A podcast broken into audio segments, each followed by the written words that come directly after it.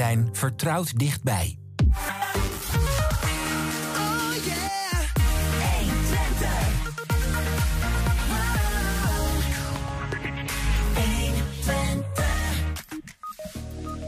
Achter de geraniums zitten was er niet bij voor de 74-jarige Louis Gillissen. Hij debuteert op 74-jarige leeftijd met zijn eigen bundel, genaamd Aanzoek tot Zwerfkijk. Afgelopen weekend was het dubbelfeest bij de boortoren tussen Hengelo en Enschede. Een nieuw stuk grond en een beloning voor de zorg voor een zeldzame koeienras gaven dit feestje kleur. Een terugblik op de wedstrijd tussen de amateurs van Rood-Zwart uit Delden en FC Twente. En een nieuwe editie van In Depot met vandaag aandacht voor een Volkspark schilderij. Het is maandag 10 juli. Dit is 120 vandaag. 120. 1. 120 vandaag. De Enschedeze klachtencommissaris heeft in een geheime bijeenkomst met de gemeenteraad... die ging over een onderzoek rond bijstandsaanvragers... cruciale informatie niet gedeeld. Informatie die de klachtencommissaris op dat moment wel had. Dat blijkt nu er een e-mail is opgedoken die eh, anderhalf jaar onder de tafel bleef. Het bestaan ervan was zelfs lang niet bekend. Aan tafel collega Ernst Bergboe die dat dossier al twee jaar volgt. Welkom. Ehm, het is goed om zo uh, even in te duiken. Maar misschien eerst is de, de urgentie hiervan. Waarom is het nou zo belangrijk om dit te weten? Nou, het Klachtencommissariaat is een onafhankelijk instituut. Misschien zo meteen iets meer over uitleggen. Um, die klachten van inwoners afhandelt en eventueel basis daarvan onderzoek doet. Uh, op het moment dat een klachtencommissaris aan het hoogste orgaan in de gemeente iets vertelt dat niet helemaal correct is, niet juist is, niet klopt, dan heb je echt een bestuurlijk probleem. Dan moeten we misschien beginnen bij uh, de functie van het klachtencommissariaat. Voordat we de induiken, die mail, en wat is er dan precies aan de hand? Wat is eigenlijk de klachtencommissaris? De klachtencommissaris is een, ja, er wordt wel eens gezegd een ombudsman, dus dit, het klopt niet helemaal. Maar het is een, het is een, een bureau, um, een ambtelijk bureau, Um, met een klachtencommissaris, met een paar medewerkers. Daar komen alle klachten van inwoners van de gemeente komen daar binnen. Dat is de bedoeling. Mm -hmm. En die klachtencommissaris handelt die klachten dan vervolgens af. Dat doet ze, of dat doet deze onafhankelijk. Uh, los van de organisatie of los van wat de politiek er allemaal van vindt. Komt de klacht van de inwoner binnen, handelen we af. Um, en dat kan zijn doordat je de klacht gewoon echt oplost. Of dat je er echt een klacht van maakt. Of in ieder geval, die, die inwoner heeft een probleem. En dat wil je oplossen. Ja, ja. Um, kan ook zijn dat je zegt van er komen over dit onderwerp zoveel klachten binnen. Uh, misschien schort hier iets aan de dienstverlening. Dan kan het zijn dat die klachtencommissaris zegt van nou ik ga hier een onderzoek naar doen. Want ik wil gewoon even weten hoe dit zit, uitpluizen. Het hele idee erachter is dat nou ja, klachtenvoer zijn voor verbetering van de dienstverlening van de gemeente. Nou ja. Dat is eigenlijk waar het om gaat. Dat er in, in het gemeentelijke apparaat, zeg maar, waar van allerlei dingen gebeuren, dat daar mogelijk iets, nou ja, misschien moeten we daar eens kritisch naar kijken dat het anders ingericht moet worden. Precies, zodat we wat minder klachten binnen gaan krijgen en misschien ja. wel leren. Of dingen duidelijker uitleggen, kan ook zijn. Hè? Is dat de dingen misschien wel heel logisch zijn, maar dat inwoners dan niet, niet begrijpen en dan ja. dus een klacht indienen. Nou, whatever. Kan van alles aan de hand zijn. Maar dat is, dat, is, dat is de bedoeling van het instituut. En dat doet hij dus, dat is belangrijk om te zeggen, onafhankelijk en onpartijdig. Dus zonder ruggespraak van de organisatie of zonder dat de politiek daar zich mee bemoeit. En die voert dan dus onderzoeken uit en doet aanbevelingen aan de organisatie. Ja. Nou, was er een geheime bijeenkomst in december 2021 al? Ehm, dat is een cruciale bijeenkomst geweest in dit verhaal. Mhm. Wa- waar ging die bijeenkomst over? Die bijeenkomst ging over de vraag. Er was een eh, onderzoek gedaan. Nou ja, dat heet veel aanvragers. Is een Overigens, de bijeenkomst ging tu- tussen de klachtencommissaris en de gemeenteraad. Ja, en de gemeenteraad. De gemeenteraad, even, hè, dat is wel belangrijk om te weten, is het hoogste orgaan in, in, in een lokale overheid. Ja. Die is de baas, zou je kunnen zeggen. Die klachtencommissaris die had eh, geconstateerd dat er ehm, eh, in een bepaalde periode, zo wat langer geleden hoor, maar dat er eh, vrij veel mensen waren die vaker een bijstandsaanvraag moesten doen. Kregen ze elke keer een afwijzing, weer opnieuw aanvragen, weer een afwijzing. En die dacht van dit, dit moet ik onderzoeken, want misschien zit hier iets niet helemaal lekker in onze dienstverlening. Dat onderzoek is gedaan door een medewerker van het klachtencommissariaat. Daar is een rapport over verschenen. Dat was een vrij kritisch rapport over het Enschedese beleid. Mhm. Eh, Enschede stond toen ook wel bekend hè, om een kritisch bijstandsbeleid. Daar hebben wij ook veel aandacht aan besteed. Dat rapport was vrij kritisch. En op een gegeven moment verdween dat rapport van tafel. Ehm, daarover ontstonden vragen vanuit de raad van hoe kan dat nou? Dat was een rapport en dat zag er best wel goed uit. Ja. Er eh, mankeerde volgens ons niet zoveel aan. En dat wil die gemeenteraad graag weten, omdat zij de baas zijn en omdat zij daar iets mee moeten mogelijk. De Van, gemeenteraad was kritisch op dat Enschedese bijstandsbeleid. Daar leefden al allerlei vragen. Dus dit rapport was daar eigenlijk maar een klein onderdeel van. Maar ja, de gemeenteraad keek daar toch wel echt met een vergrootglasje naar. En die dacht ineens, er komt een rapport. Dat, dat, nou, dat doet een aantal aanbevelingen. Dat lijkt plausibel. En ineens verdwijnt dat rapport van tafel. En er waren op dat moment ook al wel signalen dat de afdeling die onderzocht werd, hè, die verantwoordelijk is voor de bijstand, Mhm. dat die zich behoorlijk met de inhoud en met het onderzoek zelf van dat rapport en het onderzoek had bemoeid. Dus ja, de, de raad had vragen. Die bijeenkomst was belegd om die vragen de wereld uit te helpen. Dus in die bijeenkomst legde de klachtencommissaris uit waarom dat rapport van tafel verdween. Dat was de bedoeling. Dus de gemeenteraad had vragen. De klachtencommissaris kwam eh, toelichting geven op het besluit om dat rapport in te Ja, trekken. ja.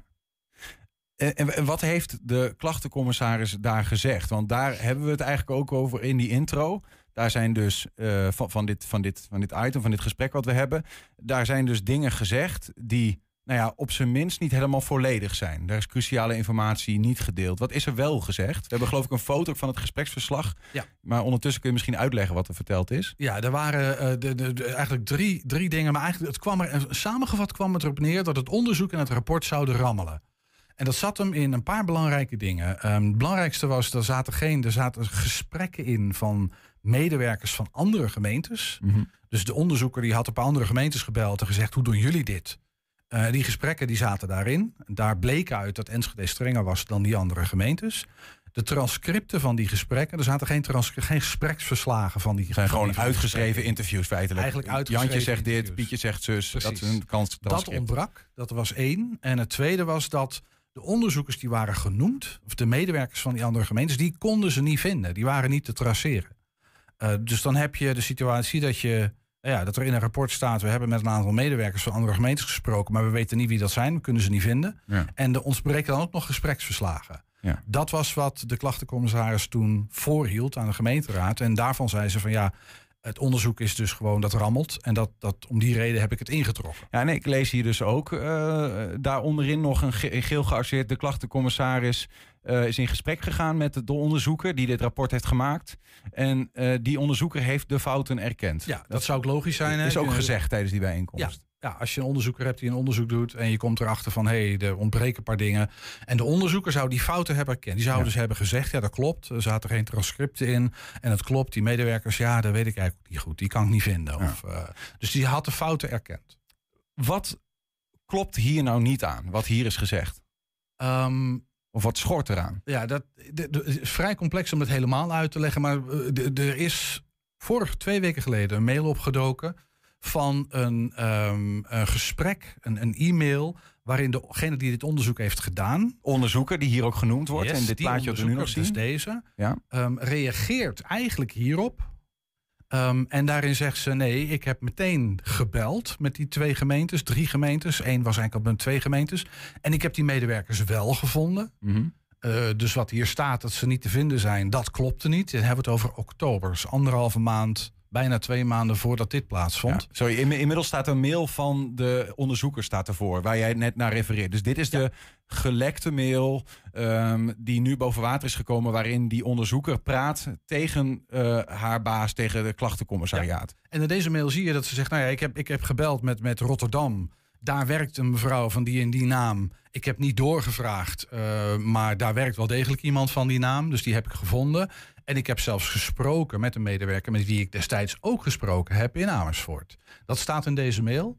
Deze mail staat ook over die transcripties, hè, die gespreksverslagen. Dat klopt, die waren er inderdaad niet. Ik had opnames gemaakt, zegt de onderzoeker, mm -hmm. van die gesprekken. Die opnames zijn verloren gegaan.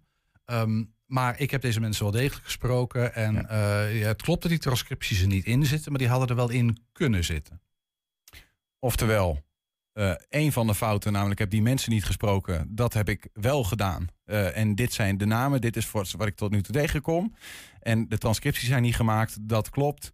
Um, maar dat, da, da, daar was ook een verklaring voor. Ja, daar, dat, dat blijkt dan niet uit deze mail zozeer. Daar moet je wat andere correspondentie die daarvoor zit, moet je ook lezen. Het is nogal een uitgebreid onderzoek ja, geweest.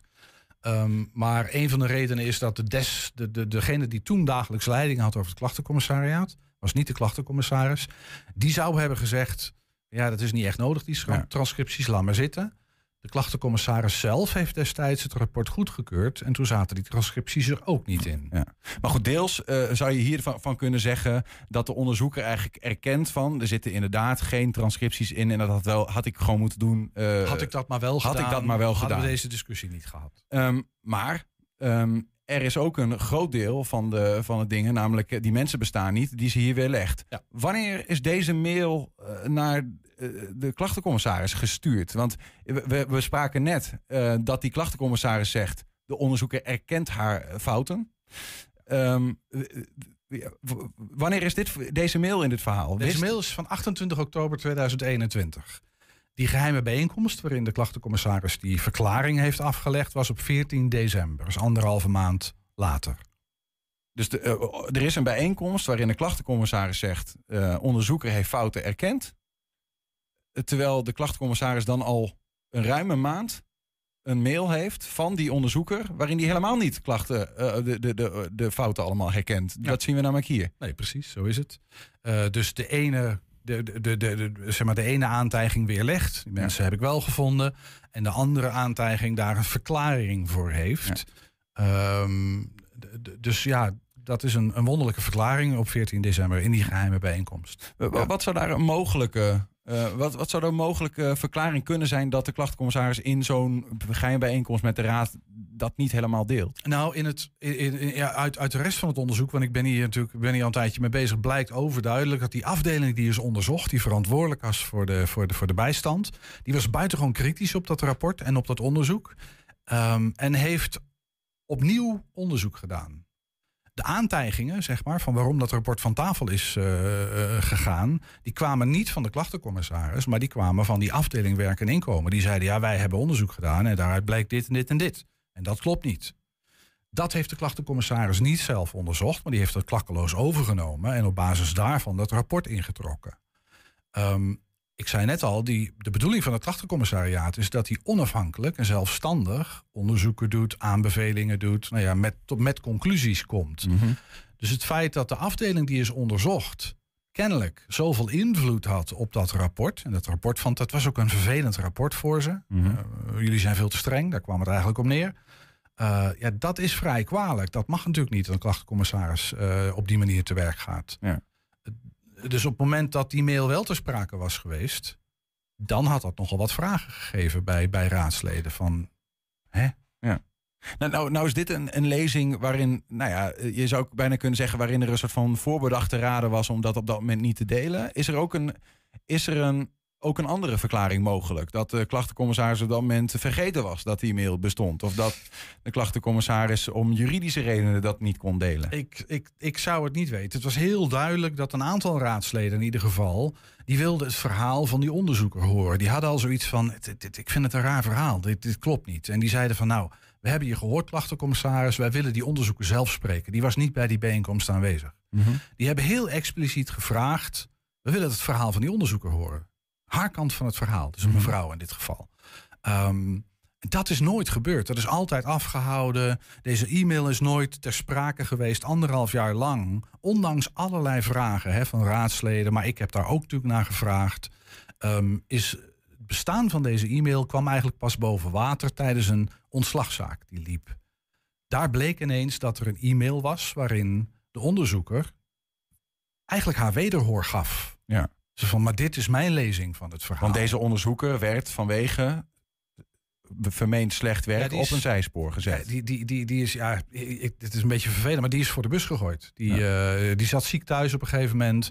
eh, en tijdens ziekte wilde de gemeente haar toch ontslaan. Dus een ontslagzaak, en dat moet dan via de rechter. Dat mag je dan niet zomaar doen.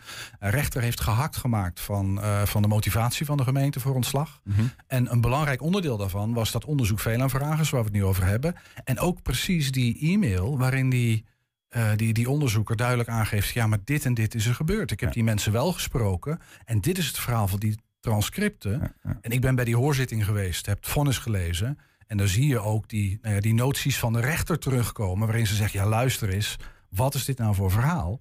Ehm, eh, Dit had je toch kunnen herstellen. De onderzoeker heeft een hele andere lezing. Nou, die lezing staat duidelijk in die e-mail. Mhm. En die e-mail is pas heel recent boven tafel gekomen. Dus die is toch wel Ja. onder de pet En gehouden. begrijp ik dan dat je zegt van dat is problematisch, omdat op het moment dat de gemeenteraad in die ge- geheime bijeenkomst wel had eh, gehoord van hey, de onderzoeker eh, in, van dienst heeft eh, gezegd van nee, wacht even, ik heb geen fouten gemaakt. Ik heb de mensen gesproken waarvan jullie beweren dat ik ze niet gesproken heb. En ik heb eh, eh, die transities niet gemaakt. Dat geef ik toe. Maar goed, die besprekken zijn er wel, dus doen ze dan desnoods opnieuw bewijs van. Ja, daar had de klachtencommissaris echt een probleem gehad. In de, in de sequence van gebeurtenissen, hè, de, de historie, was het eerst die afdeling werk en inkomen, die verantwoordelijk is voor de bijstand, deed een soort van onderzoekje, belde gemeentes, kon medewerkers niet vinden. eh, en, en maar die transcripten staan er helemaal niet in. Die maakte daar een punt van. Dit, Ja. dit klopt niet. Dit onderzoek rammelt. De klachtencommissaris neemt dat klakkeloos over, checkt dat niet. De onderzoeker is daar ook helemaal niet bij betrokken, is er volstrekt buiten gehouden. Dus de onderzoeker of de klachtencommissaris besluit dan in overleg met de burgemeester om dat onderzoek, dat rapport in te trekken. Ja. Pas daarna wordt de onderzoeker geconfronteerd met, nou zeg even, de, de, het rammelende onderzoek. Ja, ja. En die stuurt dan de mail en zegt, ja maar ho, zo zit het niet, het zit anders. Ja. Namelijk ze en zo. Dus als, als dat duidelijk was geworden tijdens de bijeenkomst, had, had zeg maar de gemeenteraad van smoking gun gehad van wacht even, eh, jullie zeggen hier A, onderzoeker zegt B, hoe kan dit eigenlijk? Ja, Hè? en dan was het antwoord geweest, ja, omdat de afdeling werk en inkomen ergens de vinger op heeft gelegd. Ja, en dat is wat je- gewoon overgenomen. dat is wat ze niet willen, want die klachtencommissaris moet onafhankelijk Ja. zijn, want anders heeft het niet zoveel zin. De slager keurt zijn eigen vlees. Nou dat ja, en bovendien blijkt dan dat het onderzoek van die, van die afdeling werk en inkomen, eh, ja, die hebben die mensen niet kunnen traceren, maar die mensen waren wel degelijk te traceren. Maar die onderzoeker was er helemaal niet bij betrokken. Eh, dus dat inhoudelijk klopte het ook niet. En die transcripten, daar was een verklaring voor. Hadden ze kunnen navragen on- aan, die, aan die onderzoeker en had je ook nog kunnen herstellen. Ja. Ehm, maar dat is allemaal niet gebeurd. Eh, Ehm, in, in het stuk wat je hierover schreef, overigens is dat allemaal gewoon op je dode gemak kun je dat teruglezen op, op onze website. Ehm, eh, dat is getiteld, ik zeg het maar alvast, hoe de Enschedeze klachtencommissaris de gemeenteraad op het verkeerde been zetten met een rapport over strenge bijstand. Dan kunnen mensen dat goed terugvinden. Maar daarin schrijf je onder meer ook de lezing dat, en dan heb ik het dus over dat, eh, de, klachten, dat de onderzoeker de fouten heeft erkend, gemaakt en erkend. Eh, die werd keer op keer herhaald, ook door burgemeester en ondersteunende ambtenaren. Ehm, wat, heeft, wat heeft de burgemeester en die ambtenaren, wat hebben die, die ermee te maken? burgemeester is eh, formeel verantwoordelijk voor de klachtenafhandeling bij de gemeente, voor het klachtencommissariaat. Ja, dus op het moment dat er vragen zijn vanuit de raad of ook vanuit ons als pers, dan moet je bij de burgemeester zijn. Die is bestuurlijk verantwoordelijk. Ehm, dus dat is één. Ehm, en het tweede is die ambtenaren. Kijk, die, die burgemeesters en bewindslieden of wethouders, die weten natuurlijk niet alles. Dus die worden heel erg ondersteund door hun ambtenaren. Je weet nooit precies hoe dat zit, maar een, een deel van de beantwoording van vragen wordt natuurlijk gedaan door ambtenaren. Dus vandaar dat ik die ambtenaren er ook even bij noem. Ja. Ehm, is, is dat in dat hele verhaal constant dezelfde lezing overeind is gehouden, die gewoon niet klopt. Ja, maar de- de- laten we het dan even bij de burgemeester houden. Die is dus, hoor ik jou zeggen, bestuurlijk verantwoordelijk voor deze klachtencommissaris. Mhm. Wist hij er niet van dat, eh, of laat ik zo zeggen, laat ik het anders stellen, makkelijker te begrijpen, wist de burgemeester ervan dat die lezing niet klopte? Dat is onduidelijk, eh, dat weet ik niet. Ehm, weet ik ook oprecht niet. Zijn ook twee burgemeesters betrokken geweest bij dit. eh, dat maakt het soms misschien nog wat lastiger. En ik kan me ook voorstellen als je dan dingen overneemt van, een, van iemand daarvoor, dat je dan ook niet alles weet natuurlijk. Dus de eerste was eh, Theo Bovens, dat was de tussenburgemeester na het vertrek van Onno van Veldhuizen. En de tweede is natuurlijk de huidige burgemeester, Rudolf Bleker. Ehm, of en, en wanneer een van deze twee gedurende het proces wist dat deze lezing niet helemaal klopte, Ja. Ehm, dat weet ik gewoon niet. Maar- Geen idee. Wat het antwoord ook is, of, die de, of de burgemeester nou wel of niet wist, beide vragen wel om uitleg, toch? Als hij het wel wist, eh, ja, dat, dan heeft hij. Dan, dat, dat is heel wonderlijk dat je dan eh, meewerkt aan het achterhouden van informatie voor de gemeenteraad. Dat is natuurlijk gek. Eh, als hij het niet wist, ehm, dan denk ik dat hij hier wel wat van vindt. Eh, kan ik me voorstellen. Ja, want dan is het zijn, bent. precies, zijn eigen eh, klachtencommissariaat Ja. waar hij verantwoordelijk voor Ja. is, die dus blijkbaar de boel eh, niet helemaal eerlijk inlicht op, op een zeker moment. Nee, dat klopt. En ik kan Wat, wat is dan, wat, wat, heb je die vraag gesteld? Want ik bedoel, we praten heb- over de gemeente. Nee, en, dat is, ik heb een hele rits vragen gesteld. Op het moment dat ik die mail kreeg, kort daarna heb ik een hele lijst vragen gesteld aan, in dit geval de lokale gemeentesecretaris, eh, die namens de burgemeester een mail aan de raad heeft gestuurd, ook weer over deze kwestie. Ehm, tot op heden heb ik geen inhoudelijke antwoorden op die vragen gekregen. En er zat ook deze vraag, de verklaring. Van hoe kan het nou dat de klachtencommissaris dit zegt en dat eh, in die mail dit staat, wat van tevoren al bekend was. Ja. Eh, en hoe zit dat dan met, eh, met, met de rol van de burgemeester, die verschillende gesprekken heeft gevoerd met raadsleden, vragen heeft beantwoord vanuit de gemeenteraad. Ehm, en elke keer, ja, die mail is nooit boven water gekomen. Die lezing van de onderzoeker is altijd onder de pet gebleven. Dus hoe, hoe zit dat? Dus die vragen heb ik gesteld. Ja. Maar ik heb daar geen antwoord op. Dus ja, ik kan er ook niet over speculeren. Dat is lastig. Eh, we, we moeten bijna gaan afronden. Maar de mail waar wij dit gesprek over gevoerd hebben, die centraal staat, die nu, ehm, nou ja, laat ik zeggen, is uitgelekt, ehm, die, die, die, die ligt ter inzage voor de gemeenteraad. Mhm. Ehm, eh, op dit moment, anders gezegd, de gemeenteraad kan nu zien dat de onderzoeker, waarvan aan hen is verteld dat hij de fouten heeft erkend, in een mail zegt: Ik erken die fouten helemaal niet. Ja, een heel klein beetje, deels, maar een heel groot deel. eh, en dat kun je allemaal retrieven, is gewoon goed geweest, Mhm. wat ik heb gedaan. Dan zou je toch zeggen, probleem opgelost. Want de gemeenteraad kan nu gewoon één op één die dingen naast elkaar leggen en zeggen van, hé, hey, wacht eens even. We zijn hier verkeerd of, of in ieder- geval onvolledig ingelicht. Ja. Ja, dat klopt. Eh, dat zou je denken. Ehm, en eh, helaas werkt de politiek niet altijd zo. Eh, was dat maar waar? Dat is lokaal zo. Ja, ik maak dan toch maar weer die vergelijking met de toeslagenaffaire... waarin ook al heel lang dingen feitelijk heel duidelijk waren. En het heel lang duurde voordat het, voordat het doordrong tot de politiek... En, en dat er echt wat gebeurde. Dat is in dit geval ook zo. Je ziet gewoon dat raadsleden toch de neiging hebben om een beetje te duiken. Dit is vrij conf- confronterend. Maar hoezo dan? Want je kunt toch gewoon die twee dingen naast elkaar leggen... en op zijn minst vragen aan de verantwoordelijke, in dit geval de burgemeester... van, hé, hey, we- Ja. eh, hoe, er kan, hoe zijn- kan dit nou? Ja, er zijn een paar raadsleden die dat doen. Ehm, en dan zie je dat de rest zich eigenlijk stilhoudt en daar, daar niks van lijkt te vinden. Of het moeilijk moeilijk vindt eh, als, je, als, je, als je het er daarover hebt. Komt voor een deel denk ik ook omdat ehm, ja, soms eh, niet de Raadsleden hebben heel veel te doen. Hè, dus, dus de kennis over die dossiers is natuurlijk niet bij elk raadslid in dezelfde mate aanwezig. Dat kan ook helemaal niet. Ja, en dan zie je toch ook wel dat ze van, nou, weet je, als Pietje iets roept. eh, er zit vast een politiek, eh, eh, een politiek spel achter. Die wil daar iets mee. Dus, dus ja, ze gunnen elkaar dan de wijsheid van de dossiers ook niet, zal ik maar zeggen. Dus dan wordt het een heel wonderlijk politiek spel. Waardoor het soms heel erg lang kan duren. Voordat soms dat je denkt, ja, dit is evident. Hè, hier gaat echt iets niet goed.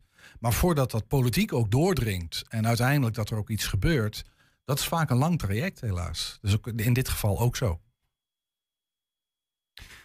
Ik hoop dat we in ieder geval eh, ook weer met dit gesprek... En, eh, je hebt mij in ieder geval wat wijzer gemaakt over hoe, hoe het werkt. En dat, hopelijk eh, geldt dat ook voor anderen. Nou ja, eh, vaak is dat wel zo. Ik wou de grap niet maken, maar Nee, ik dat dacht... doe ik zelf maar. Eh, nou ja, nogmaals, wil je meer weten? ehm, op 120.nl staat een artikel getiteld... eh, hoe de Enschedeze klachtencommissaris de gemeenteraad op het verkeerde been zette... met een rapport over strenge bijstand. Kun je het allemaal eh, rustig eh, nalezen. Ernst, dankjewel. Graag gedaan. Zometeen achter de geranium zitten was er niet bij voor de 74-jarige Louis Gillissen. Hij debuteert op 74-jarige leeftijd zijn eigen bundel genaamd Aanzoek tot zwerfkei. Bijzonder, hè? Je hoort het zo meteen waar dat vandaan komt. eh, en eh, goed om te zeggen, we zijn ook als podcast te vinden... op alle bekende podcastplatforms. 120. 120 vandaag. In de eh, verkoelende schaduw van een markante boortoren en de nodige bomen en struiken tussen Hengelo en Enschede kwamen vrijdag zo'n 60 mensen bijeen voor een dubbelfeestje. Ten eerste werd een stukje nieuw verworven grondgebied van de marke Twekkelo officieel geopend. En ten tweede kreeg de boer die er zijn lakenvelders mag laten grazen een beloning voor het in stand houden van deze zeldzame koeienras.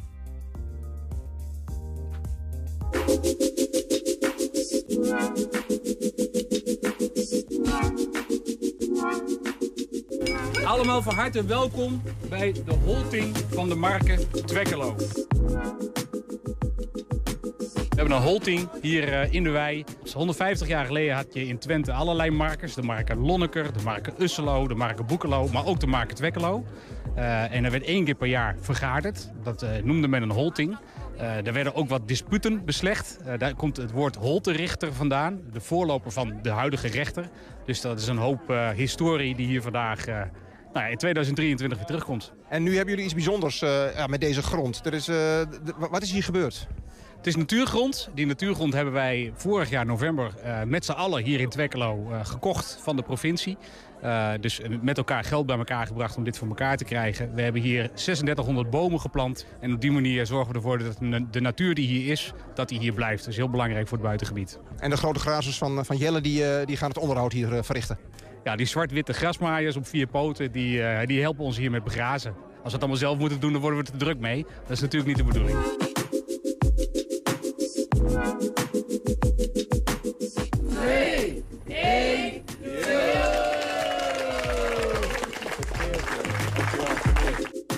Ik heel mooi vind uh, is dat hier uh, met elkaar zeg maar, um, uh, grond wordt gekocht en dat samen natuur behouden blijft. En dat vervolgens ook wordt opengesteld met zo'n stiefelpad. Dat vind ik gewoon heel erg mooi. Dus een mooie ontwikkeling voor Twekkelo en ook voor het buitengebied voor de en Hengeloers. En dan met de koelie van Jelle erbij. Dat is een plaatje. ja, wat, wat zegt dit bordje? Nou ja, weet je, um, ik heb er op een gegeven moment voor gekozen om uh, met lakenvelders iets te gaan doen. Een oud-Hollands dubbeldoelras. En mij niet realiserende dat er nog maar zo weinig waren. 30, 35 jaar geleden waren er nog 250 over de hele wereld. En uh, uh, nou ja, toen ik dat eenmaal gedaan had, toen, uh, toen ging ik me erin verdiepen. En eigenlijk wat wij ontdekten is, dat klinkt heel raar... maar als je koeien slacht, hou je het ras in stand. Dat klinkt een beetje paradoxaal. Maar als je goed nadenkt, als je kalfjes krijgt, net zoals bij mensen, de helft is stier. En als je die nou groot brengt, 2,5, 3 jaar... gewoon water, gras, winters hooi, verder niks, geen kracht voor, geen niks. Je kunt tegen iedereen zeggen, daar is hij geboren, dat heeft hij gegeten... en dit is het stukje vlees wat je dan eet. En nou, dat werkt gewoon heel goed. Want hij is voor mij een van de voorbeelden hoe dat je een ras in stand moet houden door het te gebruiken. Niet door het in de dierentuin te zetten of uh, in de spermabank, zeg maar, uh, dat het uh, in de diepvries blijft. Een ras kan alleen maar blijven, goed blijven bestaan als het ook actief mee gefokt wordt en gebruikt wordt. Nou, en dat is, dat is geweldig, want dat zijn voorbeelden waar anderen misschien enthousiast van worden. Het ook gaan proberen. Nu heet het koeien van Jelle, maar er staat iemand naast jou. De, de, moet het eigenlijk niet de koeien van Jelle en Evelien heten? Nou, van Evelien en nou, Jelle zelfs. Ja, nee, ja, ja, nee, ja, maar het begon toch echt wel degelijk als koeien van Jelle. En uh, hij heeft me er gewoon langzaamaan uh, helemaal uh, in, ja, in mee besmet. we zijn echt samen gaan ondernemen. En um, wat, wat natuurlijk ook wel heel mooi is, is dat we de tijd eigenlijk heel erg mee hebben. Want wij vinden eigenlijk met um, betrekkelijk gemak. Zeker hard werken en heel veel rondtoeteren dat we bestaan. Ook onze klanten. En mensen willen gewoon heel graag weten wat ze eten. Minder vlees, maar als dan uh, goed vlees. En dat, ja, daar, die, die behoefte kunnen wij ook aan voldoen. Dus dat is natuurlijk ook wel heel fijn. Dat, we, dat wisten we in 2015 niet helemaal zeker. Dat dachten we wel, maar dat, zo pakt het ook wel uit.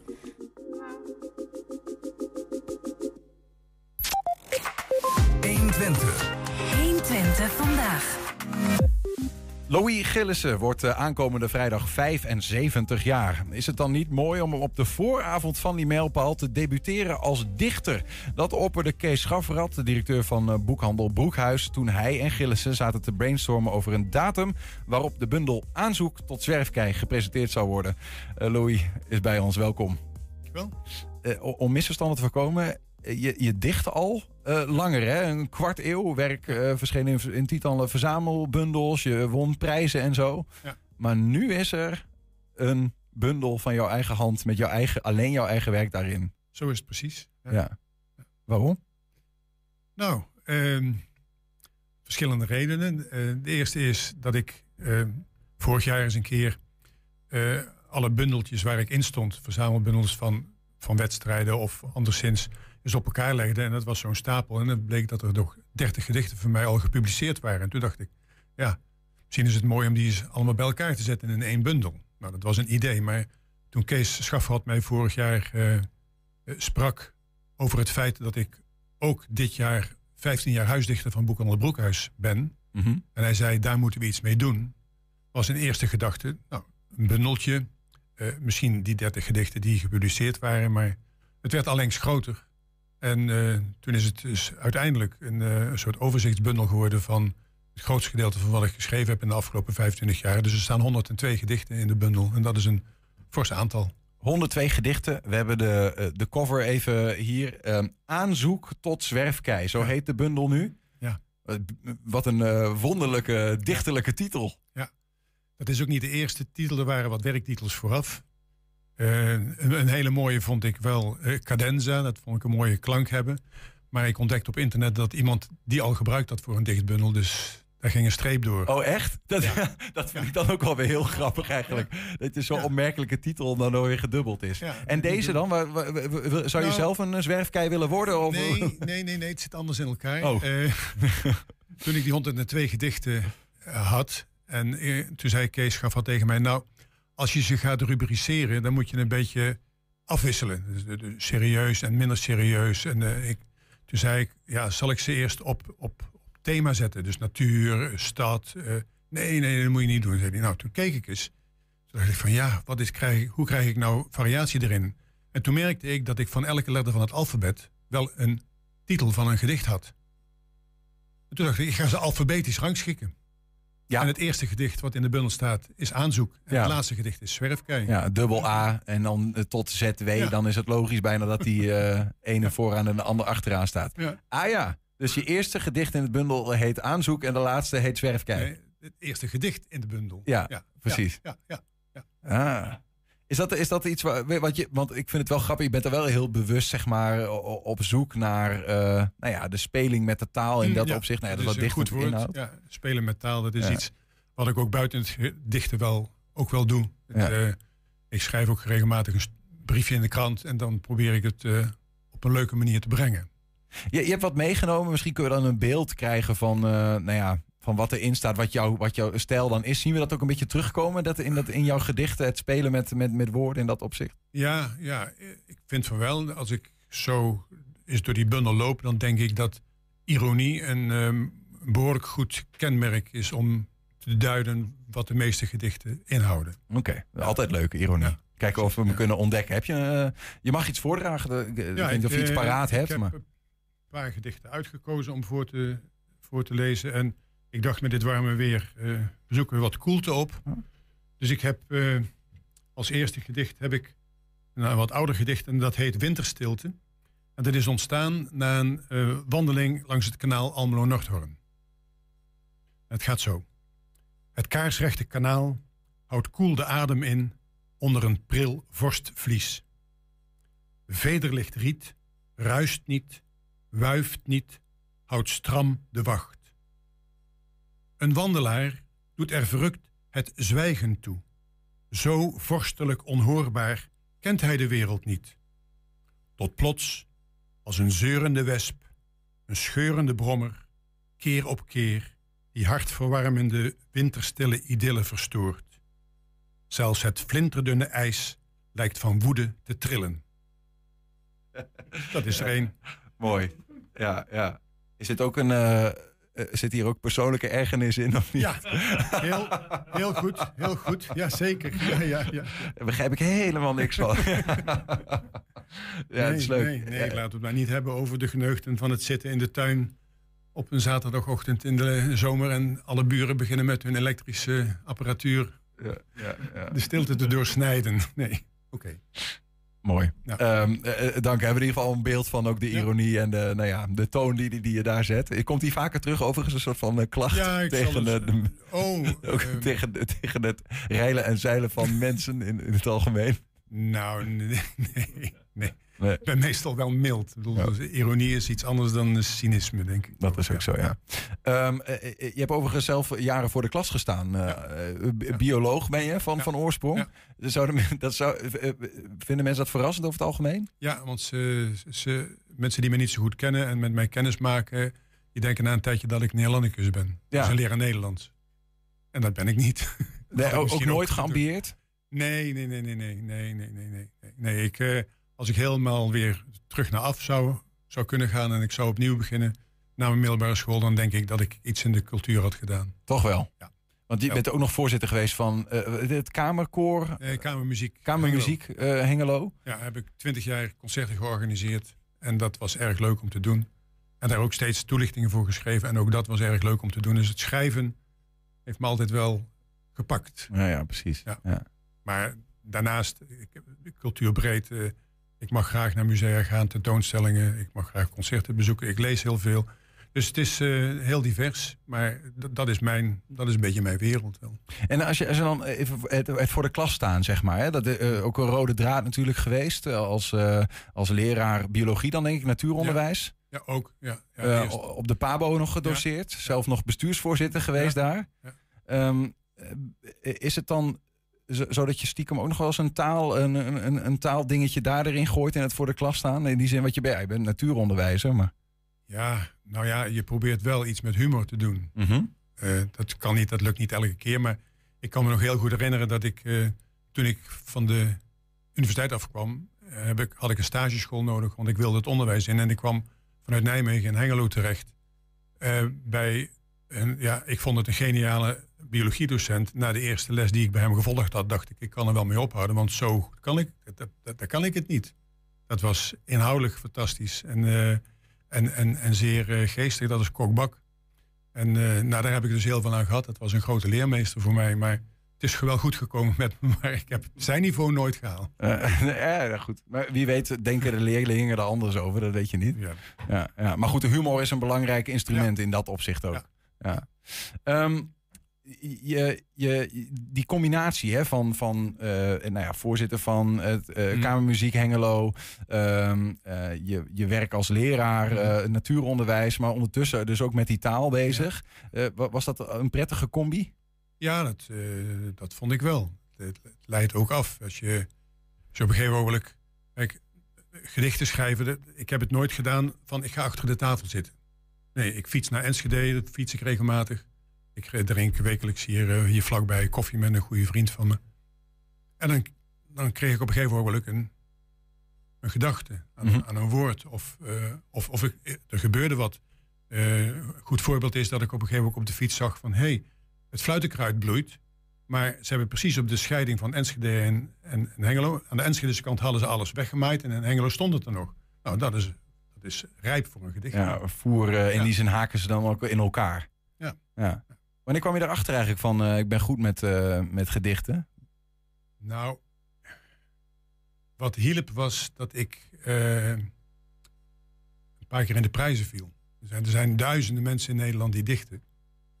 En dan doe je een keer mee met de wedstrijd. En toen, toen won ik in 2002 de eerste prijs van de VU Podium Poëzieprijs in Amsterdam. Van de Vrije Universiteit.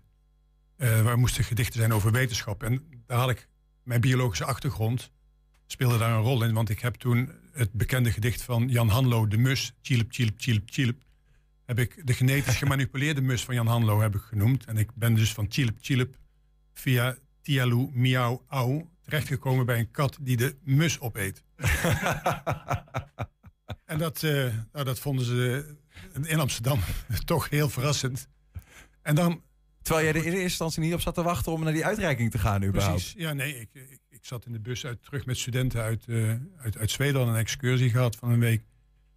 En dat betekent s'nachts doorrijden met de bus. En uh, uh, dan ben je als docent mede verantwoordelijk voor het feit dat de chauffeur wakker blijft. Dus dit, dan kom je zaterdags thuis en heb je helemaal geen zin om zondag naar Amsterdam te gaan. Maar ze hadden erop gestaan van nee, ze hadden tegen mijn vrouw gezegd, hij moet echt komen. Oké. Okay. Ja, en later bleek waarom. Ja. En dan heb je dus een goede PR-medewerker van de Pabo, die goede connecties heeft met de krant. Die belt dan, dan krijg je een groot artikel in de krant met een foto. En dan gaat het lopen, want dan ben je opgevallen. Dan krijg je een uitnodiging voor het Vestaktheater. krijg je een uitnodiging voor Concordia. Uh, en zo ben ik dus ook in 2008 gevraagd door de toenmalige directeur van uh, Broekhuis... kun je een gedicht voor het 140-jarig bestaan van de boekhandel maken? En dat is het begin geweest van de relatie met Boekhandel Broekhuis. Ja, waar je eh, zeg maar de, de huisdichter van werd uiteindelijk. Ja, ja. Overigens, uh, huisdichter zijn van een stad kan ook. Hè. Dan ben je, ben je stadsdichter. Uh, ik heb zelfs begrepen dat je een landelijke wedstrijd getiteld Stadsgedichten hebt gewonnen. Ja. Maar dat stadsdichter zijn van Hengelo, uh, dat dat uh, nee, over is, your dead body is. Nou, nee, nee, nee, nee. Het bestaat wel. En ik heb ook met de eerste verkiezing meegedaan. En toen is ben ik het niet geworden. En dat was terecht. Het, even aan nadenken wie het ook alweer wel... Fred van der Ven. Ja, Fred van der Ven, dankjewel. Helaas overleden. Dat was een hele goeie. En het was een hele goede keuze. En toen heb ik er daarna nog eens over nagedacht. En gedacht, mm, misschien is het wel zo fijn om je vrijheid te houden. En niet de verplichting te krijgen als stadsdichter... om zoveel gedichten te maken binnen het stadsdichterschap. En ook verzoeken te krijgen van, van wie dan ook. Ik kan, als ik geen stadsdichter ben, kan ik makkelijker nee zeggen. Ja. Ja. Ik heb wel verzoeken gekregen waar ik ook ja op gezegd heb. Dus ik heb ook wel in opdracht geschreven. Maar niet als stadsdichter en ook niet als provinciedichter, waar ik ook wel voor genomineerd was. Uiteindelijk was ik blij dat het uh, zo afliep. Ja, gewoon uh, vrijheid. Ja. Uh, moet het ook een beetje hobby blijven wat dat betreft? Ja, maar ook, jawel. Maar ik, ik, ik, heb dus bijvoorbeeld ook voor de Stichting Het Debat in Hengelo... heb ik een reeks gedichten gemaakt als start van een debat. Mm -hmm. Bijvoorbeeld over de liefde met Connie Palme was er een debat. en de eerste keer was het waar zaten de burgemeesters van Hengelo, uh, Enschede en Almelo uh, in de bibliotheek. Want toen ging het over krimpen of groeien in Twente. Dus uh, dat was jaren geleden, maar het, is, het zou nou weer opnieuw kunnen, gedaan kunnen zijn. Ja. Um, de, overigens, je vertelde net even hè, de, prijzen gewonnen. Je hebt ook wel eens prijzen niet gewonnen. Um, en ik, een mooie anekdote misschien daarin is hoe Ivo de Wijs, uh, liedjeschrijver, uh, twee keer in jouw talige leven zeg maar, op jouw pad kwam. en, en beide op een hele verschillende ja, manier. Ja, dat was heel curieus. Ja, ik, toen ik ging studeren in Nijmegen, toen kwam ik bij een studentenvereniging terecht. En dat was in 1966. En er waren een paar mensen onder wie ik, die gingen een cabaretgroepje starten. al alleen maar jongens. Het, het was een, een jongensvereniging.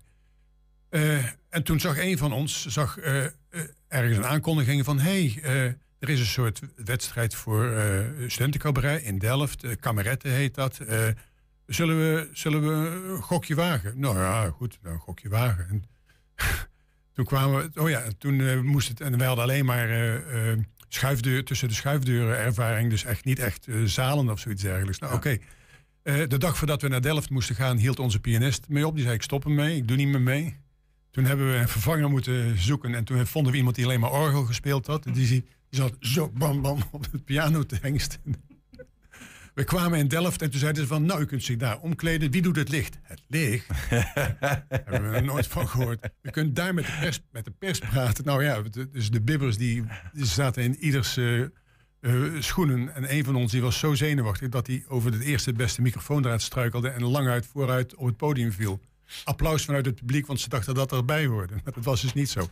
Dat jaar won Ivo de Wijs. Kijk, ja. en later kwam hij nog een en keer terug. Later had hij een programma, deed hij mee in een programma en dat heette Tatatataal. Dat is een programma en die titel voor het programma had ik verzonnen. Want ze hadden uh, luisteraars of kijkers gevraagd: we gaan een nieuw programma opzetten. Uh, we zoeken daar een een, een, een pakkende titel voor. Ja. En ik had Beethoven in uh, mijn hoofd met uh, de, de, symfonie van ta ta ta ta begint. Ja. Dus uh, ta ta ta werd het toen. Ja. Hij, hij is sterk. Heb ik hem nog dan heb ik hem nog gesproken. Want Ivo die maakte, die, die bedacht het concept geloof ik, hè? de inhoud van het programma ook. Ja, of, ja hij, hij, presenteerde het niet, maar hij was er wel heel erg bij betrokken. Ja, precies. Ja. Nou ja, goed. Okay. Dan heb je nog eens afgetikt. Ja. Uh, 60 jaar geleden stonden we tegenover elkaar. Nu werken we met elkaar. Um, uh, nou ja, goed. Het, het, de bundel ligt uh, bijna in de, in de, in de handels. De aankomende vrijdag. Donderdagavond eerste exemplaar uitreiken.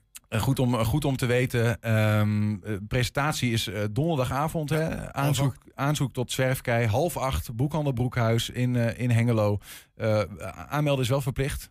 Uh, nee, dat is niet, niet gebeurd. Dus men is welkom. Nou, en uh, André Kerver, de klarinetist uit Enschede, die zal improviseren op een paar gedichten van me. Ook dat nog. Ja. Uh, ja, afsluitend, heb je nog een kleine eventueel? Een, ja, ik zal nog leuk. eentje doen. een hele korte. Ik, ik, zei het dat het over de, over de winter zou gaan. ja. nemen wij Tialf. Tialf. Tialf, wel bekend. Ook een wintergedicht. dijken van dijen deinen ritmisch over de spiegelvloer. Acht klappen op het rechte eind. In de bocht twaalf beentjes over. Dweilorkesten overstemmen dof ronkende dweilmachines. Oranje boven en beneden. Oranje alom in het stadion. Rondje na rondje na rondje snellen onze schaatshelden sneller en sneller. Vallen uit vorm, nog veel sneller, stil. Ex-Erika Terpstra-kanjers rest dan enkel en alleen een vlotte babbel aan de bar. Rondje na rondje na rintje. Mooi, dankjewel. Louis Gillis, uh, veel plezier aankomende donderdag. Ja, dankjewel. Zometeen een nieuwe editie van In Depot met vandaag aandacht voor een Volkspark schilderij. 120. 120 vandaag. Ja, FC Twente scoorde er zaterdagmiddag lustig op los in de eerste oefenwedstrijd van deze voorbereiding. In Delden werd het tegen de amateurs van Rood-Zwart maar liefst 17-0. En ga er maar even voor zitten, want hier zijn alle doelpunten van die middag.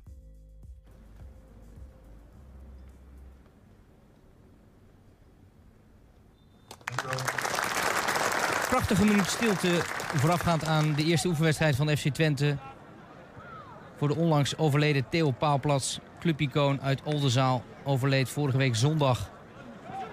Twente dus te gast in Delden bij Rood-Zwart. Spelend in het wit, dat hier de eerste tegentreffer moet incasseren. Nieuweling Nassi Unouvar. een mooie actie van Sam Stein. En zo Twente dus al vroeg op schot. In de snikhitte op bezoek bij de zondag vierde klasse. Met wederom Unouvar. Doelgericht. Behendig met hier Gijs Smal. Schitterende treffer van de linksachter. Hij kan het zelf ook wel waarderen. Oog van de meester. Is het bedoeld?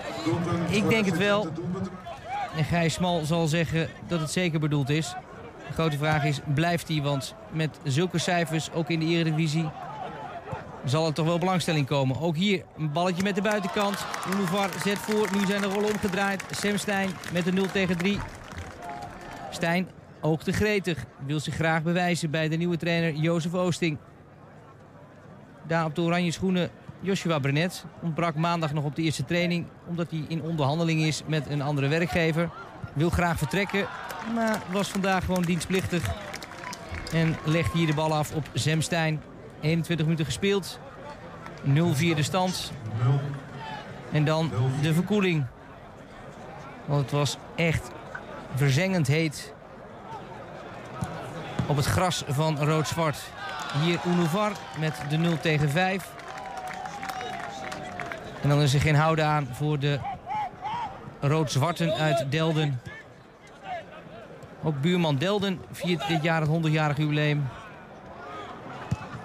Maar rood-zwart kreeg dus de eer. En Sam Stein prikt er nog eentje in. 0-6 na 32 minuten spelen. Het gaat snel. Hier een missetje toch van de doelman Mike Luik. En dan mag Jort Ribbers, speler uit de academie, ook een doelpunt meepikken. De aanwijzingen van Jozef Oosting voor Gijsmal, die hogerop moet staan. Hier wat geluk bij FC Twente, misser in de achterhoede. En dan ook Ricky van Wolfswinkel, aanvoerder vandaag in de eerste helft. En hij maakt wederom een treffer. Dan weer Twente. De achterhoede van Rood-Zwart laat veel steken vallen. Stijn op Van Wolfswinkel.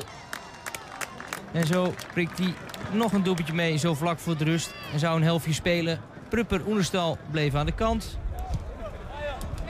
Samsted en Taha zijn nog niet aanwezig. En dit is ook nog een prachtig balletje van Van Wolfswinkel. Voorzet. En dan staat daar Ribbers. Maar het is Vissendijk die ook in de boeken komt. Eigen doelpunt. Dan de tweede helft met Manfred Ugalde.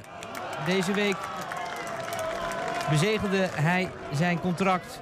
De Costa Ricaan speelt de komende jaren voor FC Twente. Schitterende treffer.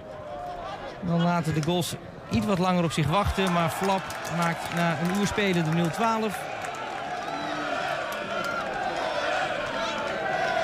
En er staat dus 0-2, maar het scorebord kon het niet aan in Delden. Ook voor de spelers in de tweede helft een verkoeling. Daar zag je hem eventjes. Jozef Oosting, de nieuwe trainer. Daan Rots met een handige actie, voorzet. En dan is dit Irakli Jegoyan. En hij tekent voor de 0-13. Dit is Manfred Ugalde die aanlegt voor een strafschop. Ugalde, oeh. Doelman van Rood-Zwart zit er nog dichtbij. Maar Sam Keizer weet geen redding te brengen. Dan weer Ugalde, draait handig weg. Keeper in de verkeerde hoek. En zo gaat het toch nog hard in die slotfase. 0-15 is de maker van de mooiste treffer van de middag. Bezig met het nemen van selfies en wat handtekeningen uitdelen. En dan kan de andere smaakmaker, Michel Flap, de 0-16 aantekenen. Flap en hij maakt geen fout. Zou toch lullig zijn, hè? Missen tegen een vierde klasser. Dan volgt er nog één doelpunt. Goede combinatie, maar met iets wat geluk is het slotakkoord voor Michel Flap 0-17. En dat is het verdikt na een middagje in Delden. Jozef Oosting, de kop is eraf. 0-17. Volgende week wacht Odense in de voorbereiding. Deze week stond het teken van uh, kennismaking. Maar ook natuurlijk de belasting en de belastbaarheid van, van mijn spelers. Dus uiteindelijk, uh, nou ja, in een, uh, ik moet eerlijk zeggen, geweldig grasmat. Een geweldige accommodatie en het publiek, heel veel publiek. Dus dat is heel erg mooi. Hebben we spelers dat prima gedaan en hebben we iedereen ja, 45 minuten kunnen geven. Um, mensen zagen online de opstelling en meteen vroeg iedereen waar is Oenerstal? En ik kan me herinneren dat vorig jaar bij de eerste oefenwedstrijd ook heel bewust werd gekozen om eerst de andere keepers minuten te laten maken. Was dat voor jullie ook bewust? Ja, ik heb dat met uh, Sander Bosker, mijn keeperstrainer, over gehad van wat we, hoe we het uh, konden aanpakken. En uiteindelijk ook zijn mening daar, daarbij, dus hebben we het zo gedaan. Het was een heel bewuste keuze om hem vandaag nog aan de kant te houden. Ja. Um, wie wel verplicht aan de kant moet, uh, is, is, Robin Prupper. Um, ja, hoe gaat het met hem? Nou ja, of goed. Uh, uiteindelijk ja, hij heeft uh, last van zijn pols. En hij ja, traint aangepast. En we hopen zo snel mogelijk dat hij bij de groep kan aansluiten. En dat hij ook weer zijn minuten kan maken. En van de partij uh, toch Joshua Brenet. Was dat voor jou, of in hoeverre was dat voor jou verrassend dat hij toch, uh, nou, nu, voor nu in ieder geval terugkeert bij de groep? Nou, aan de ene kant niet, want hij is onderdeel van de selectie. Kijk, er is interesse voor hem. En hij heeft van de week met de club gesproken. En uiteindelijk is hij waarschijnlijk niet uitgekomen, of in ieder geval hij is niet uitgekomen. Dat betekent dat hij gewoon weer onderdeel is van de groep, dus hij gaat gewoon mee. En uiteindelijk vanaf eh, donderdag heeft hij meegetraind en eh, hij kon ook vandaag 45 eh, minuten maken. Een andere speler die iets later aansloot dan de rest, uh, dus zijn papierwerk moest nog even ja, allemaal rond worden gemaakt. Hoe blij ben jij met hem? Want jij, welke indruk had jij van hem tweede seizoenshelft vorig seizoen bij Twente? Nou, het mogen duidelijk zijn dat, dat ik een goede, een goede, indruk van hem had. Ook natuurlijk dat hij tegen ons speelde, of ons in dit geval, sorry, tegen RKC. Maar ja, weet je, uh, is natuurlijk een, een, prima speler. Hij is jong, uh, dus hij kan alleen nog maar beter worden. Dus we gaan met hem aan de slag. Maar ik ben ook blij met al mijn andere spelers. Ja, het is dat ik een paar uitnoem en dat de rest niet meetelt hoor. Maar dat, ja, die waren natuurlijk maandag nog niet. Um, was het zwaar vanmiddag? En dan bedoel ik eigenlijk vooral op de weersomstandigheden. Nou ja, ik, nou ja, je voelt het zelf ook. Uh, ik, uh, ik denk dat het best zwaar uh, was voor mijn spelers. Ik heb ze daar nog niet over gesproken. Voor ons als staf al wel. Hè. Ondanks dat we in de schaduw zaten, was het behoorlijk warm. Maar nogmaals, net ik zeg, we hebben het prima gedaan. We hebben, we hebben allemaal 45 minuten kunnen voetballen. We hebben een goede uitslag neergezet met volgens mij mooie aanvallen. Dus wat dat betreft een, een prima week. In hoeverre zet je dan uh, um, qua wedstrijd ook een doel? Uh, bijvoorbeeld van nou, tegen zo'n ploeg moeten wij uh, de dubbele cijfers halen. Dus ik noem een voorbeeld hoor. Nou, nee. Kijk, uiteindelijk, ik vind als je daar dan direct al iets op, op legt, ja, het zou kunnen, maar dat hebben we niet gedaan. We hebben gisteren wel tegen elkaar getraind. En dat ging meer om, om de stilstaande situaties. Maar vandaag hebben we gezegd van, weet je, het is, we willen gewoon aan de bal zoveel mogelijk kansen creëren. Dus bepaalde ruimtes aanvallen. En dat heb ik wel gezien, want uh, we hebben mooie aanvallen uh, kunnen laten zien. En we hebben mooie goals gemaakt. Dus wat dat betreft uh, zaten we en zitten we veel meer op de manier van voetballen. En dat is nou, wat jullie wilden zien, heb je teruggezien? Nou ja, we hebben bepaalde oefeningen getraind. en als het nou in patroon is of in positie spelen, vanuit de, de opbouw. kijken dat we eh, de bal naar de zijkant kunnen brengen. Om, om zo de assistzone aan te vallen en zo de kans te komen. Dus dat eh, hebben we zeker gezien. Ik vragen waar ben je het meest tevreden over, maar dat heb je eigenlijk al gezegd. Ja, nou ja, val ik in herhaling. Ik, ik vind het gewoon eh, heel, heel mooi en fijn om te zien dat er, eh, er zit een bepaalde drive in, in de groep. Uh, een bepaalde spirit. en we willen gewoon die lijn proberen van vorig jaar, die flow waarin we zitten, om die gewoon door te trekken. Tot slot, volgende week vertrekken jullie naar, ja, voor een trainingsweek. Wat gaat een beetje de, het doel worden in die week? Is er dan ook weer een specifiek element waar, waar jullie heel erg aan gaan werken? Ja, zeker. Wij, wij gaan werken uh, natuurlijk ook om nog fitter te worden. Maar dat mag ook duidelijk zijn. Dus de intensiteit gaat, gaat meer omhoog. Dus er komen ook wat trainingen bij. we hebben van de week vier sessies gehad. Dus dat zal volgende week meer worden. Plus natuurlijk een, een, mooie wedstrijd tegen Odense. En uh, ja, we gaan proberen onze, onze principes, met name aan de bal, maar ook verdedigend, uh, gaan, we, gaan we gewoon weer trainen. Dus en, uh, en daar proberen we wat accent in te leggen. Met name hoog verdedigen, sommige momenten laag. Dus alle facetten in die week komen, komen terug in de manier van hoe wij graag willen voetballen. Wanneer verwacht je Younes Taha erbij? Maandag. dus dan moet ik even kijken. Sadilek komt maandag terug, Samstad komt maandag terug en Taha. Ja. Heb je de boel tot nu toe zeg maar compleet? Ja, nou ja, uh, ja, dat klopt. Want uiteindelijk is het wel belangrijk. Want op trainerskamp train je natuurlijk veel. En je bent dus de hele dagen ben je, uh, ja, bij elkaar. Dus uh, dat, is, dat is goed voor het groepsproces. Om zo snel mogelijk iedereen goed te leren kennen. En ja, dat kan al redelijk snel. Omdat je natuurlijk alle dagen en eigenlijk dag en nacht bij elkaar bent. Ja, maar liefst drie spelers troffen dus drie keer doel afgelopen zaterdag. Onder hen Manfred Ugalde, de Costa Ricaanse spits, is na twee seizoenen op huurbasis voor Twente te hebben gespeeld. Nu officieel speler van die club geworden. When you left the club a few weeks ago after the playoff finale against Sparta, did you expect that you would return here? I knew they they were speaking about me between FC Twente and Group City. Um, yes, I was waiting for it, but I didn't know uh, if it was 100%. But yes, now I'm here and I'm really happy to, to be FC Twente player. It's official now. Was that what you hoped for? Yeah, I, am really happy here. Uh, especially the last games was amazing for me. I played some minutes, I scored some goals, so it was great for me and I wanted to, to be here. That's why I'm here. Was it kind of a strange season for you last year? Because I think in the, in the winter break, people were thinking, will you even come back in January? And then you returned, and then the second half of the season, you just blossomed. Um, how did you experience that yourself? Yeah, of course. Uh, the first half of the season was difficult for me. It was really tough because I didn't play too much.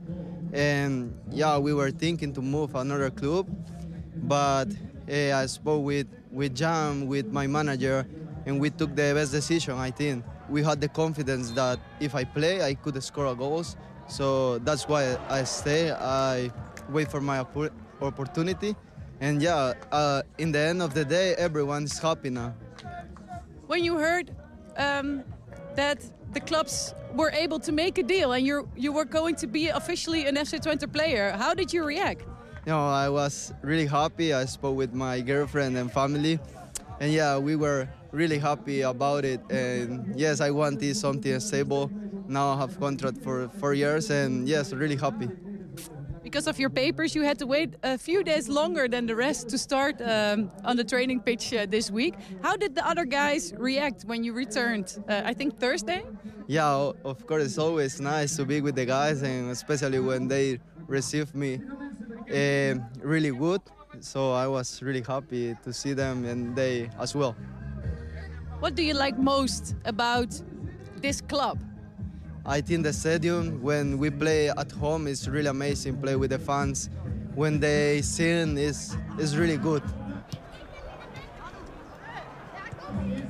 Do you have a different goal for yourself now uh, because of how you played uh, the second half of last season? No, I just uh, want to enjoy football. I don't have pressure for myself. So the my goal is to enjoy football, to enjoy life, and try to score goals, of course, make assists, and play many many games. Score some goals. Uh, you start with that today. Um, do you have a favorite from the ones you scored this afternoon? Um, I think the first one was good. Yeah.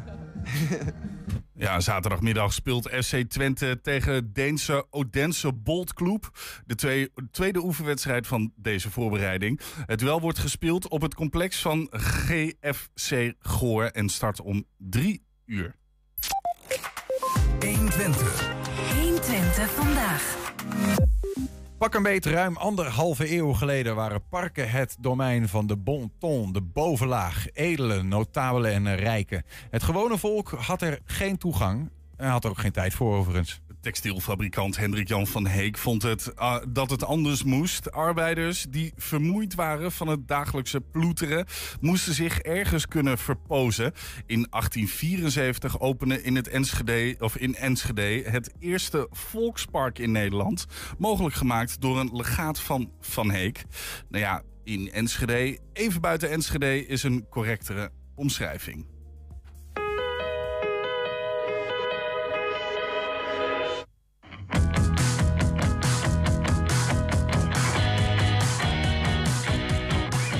Dit herken ik. Ja. Dit is het Volkspark. Ja, klopt. Helemaal. Maar een tijdje geleden. Uh... Ja. ja. wat je ziet is uh, de, het Volkspark uh, direct nadat het aangelegd is. Het, dus dan hebben we het over. 1873 is het aangelegd, 1872, 1873, 1874 geloof ik geopend officieel. En dit schilderij is van 1894, geloof ik. Dus nou ja, weer ietsje daarna. Maar dus, dus de, de, de bomen zijn al uh, aangeslagen, wat je ziet. En uh, nou, wat je ziet is de, de Parkstraat richting uh, de stad. Is hier, hè? Ja, die is daar. Ja. Je ziet de, de, de fontein. je ziet het, het, het, het, het patroon zeg maar, van de vijvers, de slingerbewegingen. Ja. ja. het was een, destijds een vooruitstrevend idee. Ja, en, wat, en, wat, je vooral ziet, dat, dat, dat realiseer je natuurlijk niet... maar is dat, daar, dat het best een stuk buiten de stad ligt. Maar wat je ziet is inderdaad, je hebt het Volkspark... en dan heb je ja, wat, wat huizen langs de weg. Ja. Maar daartussen helemaal niks, gewoon weilanden. Er worden, staan korenschoven staan erop als je goed kijkt. Wat mensen die er aan Ja, dat is nu waar je hier de tromplaan hebt en zo. en uh, daar Saxion. Ja, precies. Daar zit nu het Saxion. Er was eerder het ziekenhuis. Maar was gewoon weiland, uh, boer, boerland. Ja, tussen de weilanden had je ineens een volkspark. Ja, mooi. Ja, dat, ja. Was, dat was toen. Ja, ja en, en ik vraag me af, want uh, we zien hier natuurlijk ook de beplanting. Dus allemaal echt aangelegd ja. door Wattes hè, in die tijd. Door Wattes, ja. Um, maar veel van deze bomen zullen er nog staan nu. Dat zijn nu gewoon joekels geworden. Ja, klopt. Want, want die uh, uh, Wattes had je een vader en zoon. Okay. En, en die kwamen uit Naarden, hadden een eigen boomkwekerij. Mm -hmm. Uh, dus die vader heeft dit park ontworpen uh, in een landschappelijke stijl. Hè, dus met slingerende uh, paadjes, slingerende waterwegen, heuveltjes, fonteinen erin. Ja. het was echt een plek hè, om, om te verpozen voor arbeiders. Nou, het, het, is het allereerste volkspark in Nederland. Ja.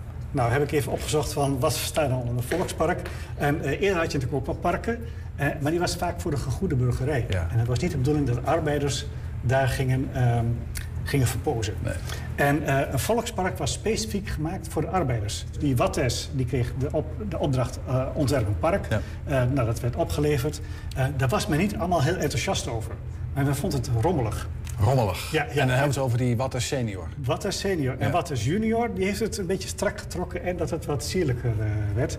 En wat je net zei over die bomen.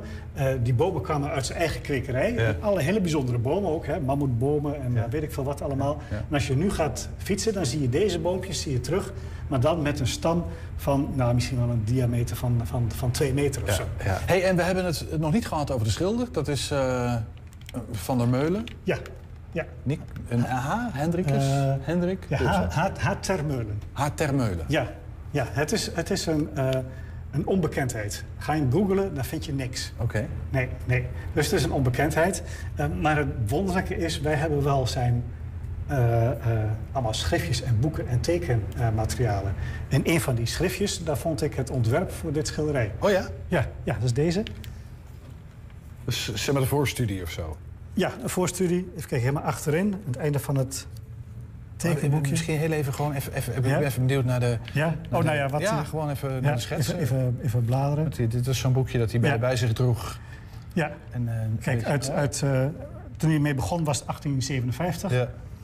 Kijk, eh, H.T. Meulen junior of zo lijkt het te staan.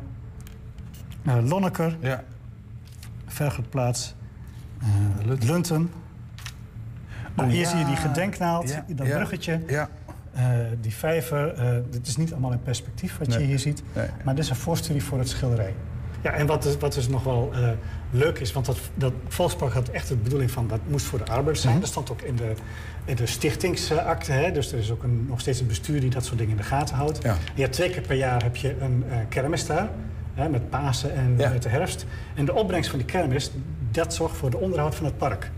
Ja, en eigenlijk zie je nog steeds dat daar eh, activiteiten die relatief laagdrempelig zijn. Hè? Eh, eh, dus je hebt kunst in het Volkspark, dat is ook wel, ja, ook wel voor het gewone volk. Ja, het nieuwe festival in het Volkspark. Als je ziet de keuze van de artiesten.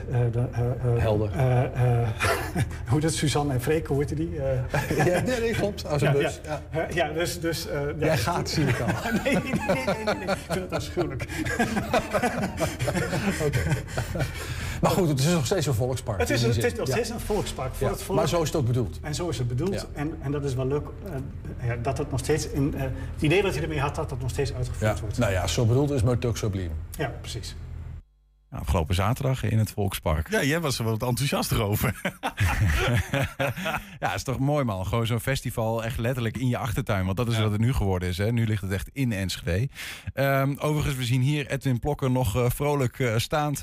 Eh, dat is inmiddels wat minder makkelijk voor hem. Hij moet wat rustiger aan doen. Had nou ja, vorige week maandag, vlak voordat hij hier zou zijn eigenlijk... eh, een ongeluk. Eh, en ehm, eh, dat heeft hij, eigenlijk is hij nog wonderwel ervan afgekomen. Maar hij moet heel wat weken plat en zo. om te herstellen daarvan. Hopelijk gaat dat helemaal goed komen. is nog maar de vraag. Maar in ieder geval vanuit deze kant, ehm, Edwin, beterschap. Sterkte, beterschap. En daarmee sluiten we ook 120 vandaag af. Terugkijken, dat kan direct via 120.nl. Vanavond 8 en 10 zijn wij nogmaals op televisie te zien. Zometeen op de radio, Henk Ketting met de ketreactie. We zijn er morgen weer. Veel plezier en tot dan. 120. Weet wat er speelt in Twente. Met nu het nieuws van 5 uur. Goedemiddag, ik ben Frans van der Beek. Bij een schietpartij op een woonwagenkamp in Eindhoven is een man om het leven gekomen. Hulpverleners hebben hem nog gereanimeerd, maar hij was niet meer te redden. Er is nog niemand opgepakt. Op het woonwagenkamp was een paar maanden geleden nog een inval van de politie.